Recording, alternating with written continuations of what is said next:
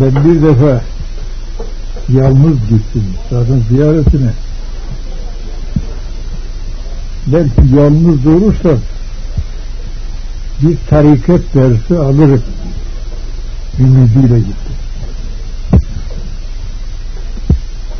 Yani gider gitmez hiçbir şey söylemeden kolumdan tuttu. Dedi kardeşim ben şeyh değilim. Hiçbir şey söylemedi. Ben imamım dedi.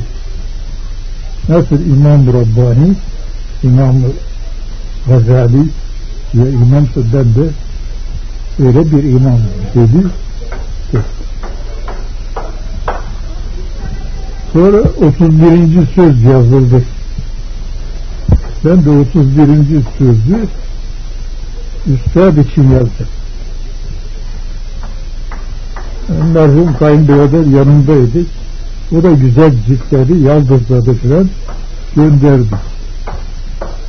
Bunun üzerine diyordu kardeşim Miraç'ı güzel yazmışsın. Beni keyiflendirdin. İşte bu şey o zaman geldi. Bu mektubu. Sen bir zaman bana tarikat zerfinden bahsetmiştin.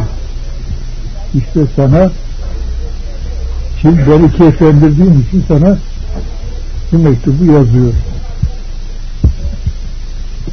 O, o mektup o surette yazılmıştır.